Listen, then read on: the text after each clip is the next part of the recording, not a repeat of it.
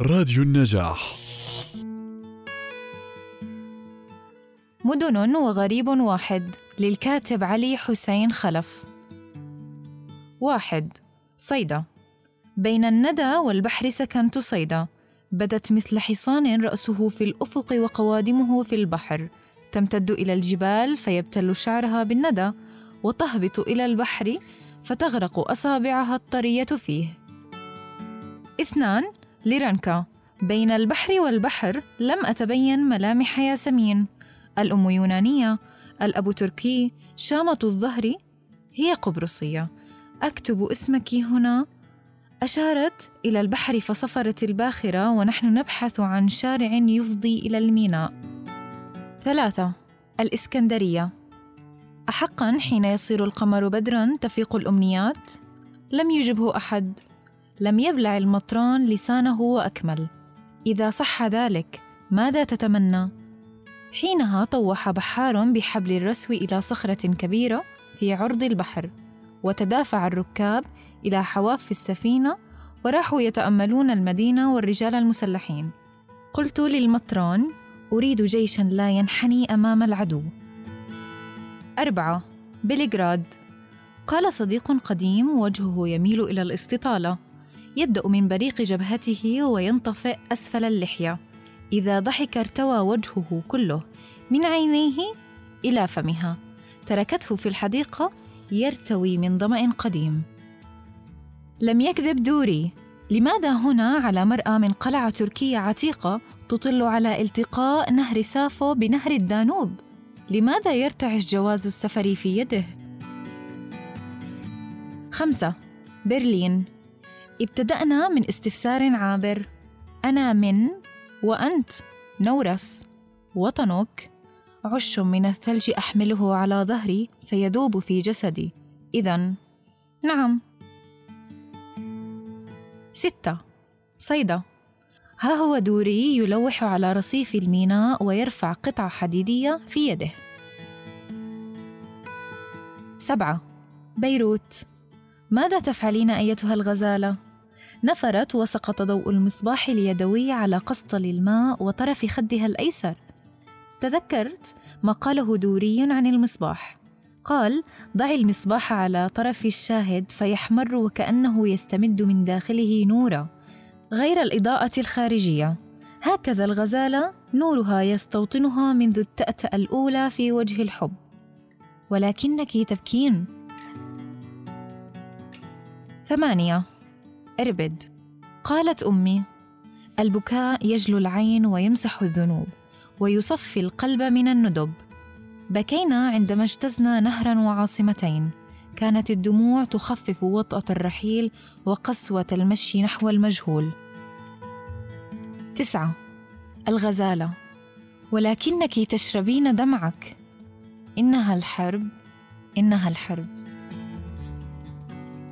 عشرة. المخيم. جرحتنا أباريق الحديد وجف ريقنا من بيع أكياس الورق في الحسبة القديمة. التقيته ونحن نجمع قشر الرمان وبذور البطيخ. واستوقفني وجهه ركضنا وصرنا أصدقاء. ركضنا في السهول ننقب عن الحليان وبيض المجانين ونداور العصافير. نتوغل في الكهوف وسراديب الرومان فلا نجد سوى الرفات واليأس. حتى المخيم نضب هو الآخر. في قاعة مدرسة باتجاه الريح ومحرقة باتجاه العراء وفي سقفه مقبرة باتجاه الأشباح والضباع وهي تتجاسر ليلا على المراحيض العامة. وجاءت البقج وللبقج سطوة غريبة على الناس حيث تحول المخيم بساعات قليلة إلى سيرك. صارت أختي مثل الحلزون مشى جارنا مثل خيال المآتة.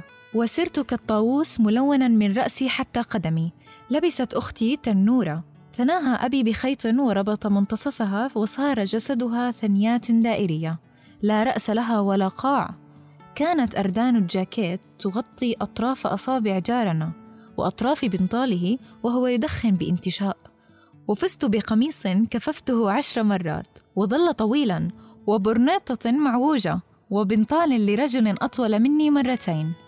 أما دوري ففاز بتنورة أغرقها تحت بنطاله وشكلها بدبوس سقط وهو في منتصف الشارع. فصاح الأولاد دوري يما صاير بنت لابس تنورة من تحت.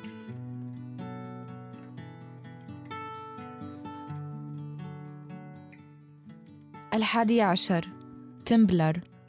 لا ندري من الذي يركض خلفنا. كان بيتنا بجوار المقبرة تماما. نفتح الباب فتتراكض الأشباح باردية بيضاء ويد مرفوعة للضرب. ملائكة أم شياطين أم الشرطي الأحول الذي ينتقم من عاهاته بضربنا؟ لا ندري لكن دائما هناك من يركض خلفنا ونحن نركض واللقمة تركض. وبور علي صاحب دكان برف خشبي يركض ومطعم الأندلسي يركض. وبور للكاز ومقلى للفلافل. دوري خرج من بيته وركض. ركضت أمه خلفه. وصاح أخوه المجرم. وتحول شارع فلسطين عند البريد إلى مشتل من الحجارة المرمية في وجه تمبلر. الثانية عشر. الفلقة. أساتذة المدرسة أخذتهم الدهشة. كانت مدرستنا بجوار السهل. ندخل إلى الصفوف فتدخل العصي بأنواعها. عصا الزان المؤشر فضلة الباب. المسطرة قبضة اليد. الفلقة وتتصاعد الأصوات ويمتد العويل. قال المدير من يخرج يتحمل المسؤولية وحده. خرجنا خلف أبي النمر ندق على الكتب ونملأ الشوارع بالضجيج. ونحيي بلغانين أخذوه. قالت أم محمد جارتنا فصرت وحيدا وحجرا من حجارة المخيم. للأشياء طعمها حين نكون معا. ولماذا دوري بالذات؟ الثالث عشر. الأحول. ذهبت إلى المخفر لأؤدي واجب الصداقة نحوه. وعندما نطقت اسمه أصبح وجهي بملامسة الأرض. نهضت متثاقلا لأجيب على سؤال الشاويش. من أين أنا؟ قلت من فلسطين. فأصبحت الأرض مرة أخرى على تماس مباشر مع أنفي. قلت من الأردن. فتجاسر شرطيان على وجهي. بلجيكي فرفسني حتى النادل صاحب القهوة والشاي. أنا الأعور الدجال فتحسس الشرطي الأحول وساقني إلى النظارة حتى المساء. الرابع عشر أم علي. مسكينة أم علي ليس لها من الدنيا غيره. كان فاكهة بؤسنا حين يصعد إلى أعلى نقطة في تل حنينة ويخلع ملابسه ثم يناجي المولى أن يرزقه بعمل يكفيه حاجة السجائر على الأقل. قالوا أنه غادر إلى بغداد وصار مادة لاصقة لأسماء تتقاطر خلفه وتختفي من السهل والنادي. طارت عصافير المخيم فوق جميع الخرائط. في الأطلس أين سانتوس في البرازيل؟ وعندما نكتشفها يصيح أحدنا يا الله ما الذي دفع حسن القاروط إلى تلك المدينة المرمية على المحيط الأطلسي الجنوبي؟ أين قرطبة في الأرجنتين؟ فيحتج أحدنا أن قرطبة في إسبانيا. فأقول أنني قرأت الرسالة لأم سمير بنفسي ليلا طويل نمضيه مع الأطلس مع ابن الموسرجي في كاركاس ابن الفراني في ليما وحتى صبحية القرعة ما زالت تتلقى الهدايا والرسائل من ابنها في برلين الغربية. الخامس عشر ديماردور. لم تأسرنا أمريكا البعيدة.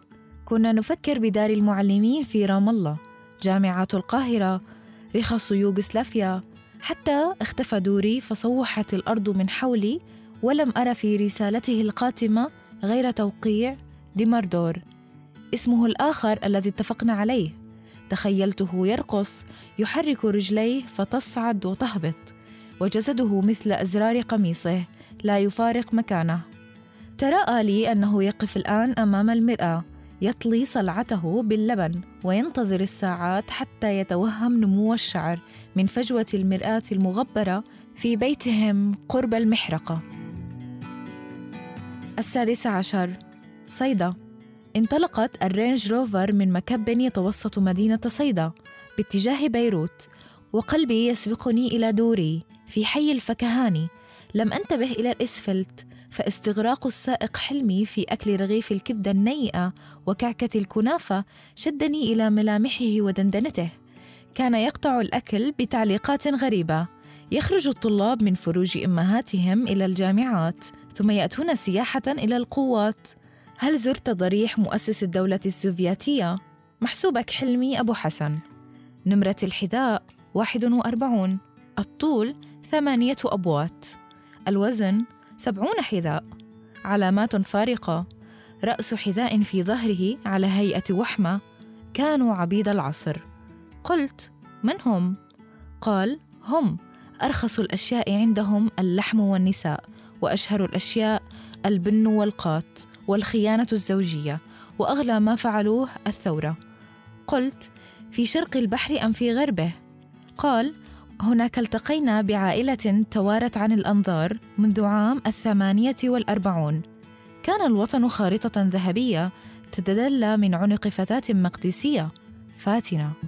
وأوراق ثبوتية متآكلة في قاع علبة تنكية مزركشة. هل تجيد السباحة؟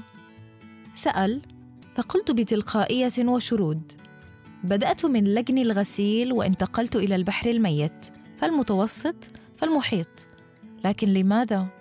أخي غرق في بحر الكويت. عليه الرحمة وأبي غرق في الصحراء. كيف؟ ابتلعته هم اللقمة فمات كمدا في جده. وأنت؟ حاولت الانتحار لحظة خروجي من بطن أمي لكنهم أنقذوني فندمت. حين دخلنا محيط بيروت استقبلتنا القذائف العشوائية وحماس حلمي وأغانيه. لا أدري ما الذي فكر فيه كل واحد منا. لكنني تجمدت عند نقطة واحدة دوري وزوجته غزالة. السابع عشر الغزالة. الغزالة بشحمها ولحمها تتوسد مفارق الطرق وكأنها ما زالت تطرز. منديل الغرباء في مخيم بعيد. هي هي بعينها العطشة إلى هناء محتمل باستقرار نظرتها أمام المشاة بإشعاعها الداخلي العجيب وهي تستوطن الجدران والحافلات. قعدت قبالة الملصق الجداري أتأمله. غزالة تلك الفتاة الحيوية حتى الضجيج كيف تتحول إلى برواز من الحزن في شوارع المدن؟ لكن الناس يعبرون دون اكتراث والملصقات تتجدد طبقة فوق طبقة. نهضت متثاقلا ومال جسدي إلى حائط المقهى فاستندت إليه وأم غزالة ما زالت تطرز اسم وحيدتها فوق كيس المخدة وقرنة المقاعد. عبرت سيارة إسعاف وعبقت زخات الرصاص ولم أعد أستشعر بالقتام عندما مرقت الشبيبة بقمصانها المزركشة وطبولها المهيبة. الثامن عشر الليلكي والبحر. الليلكي مأواك هكذا قالوا. نزحف تحت الحبق إلى الكمائن ونسأل البنفسج لماذا يحزن هذا المساء مع أن الطريق سالكة إلى نقطة المراقبة.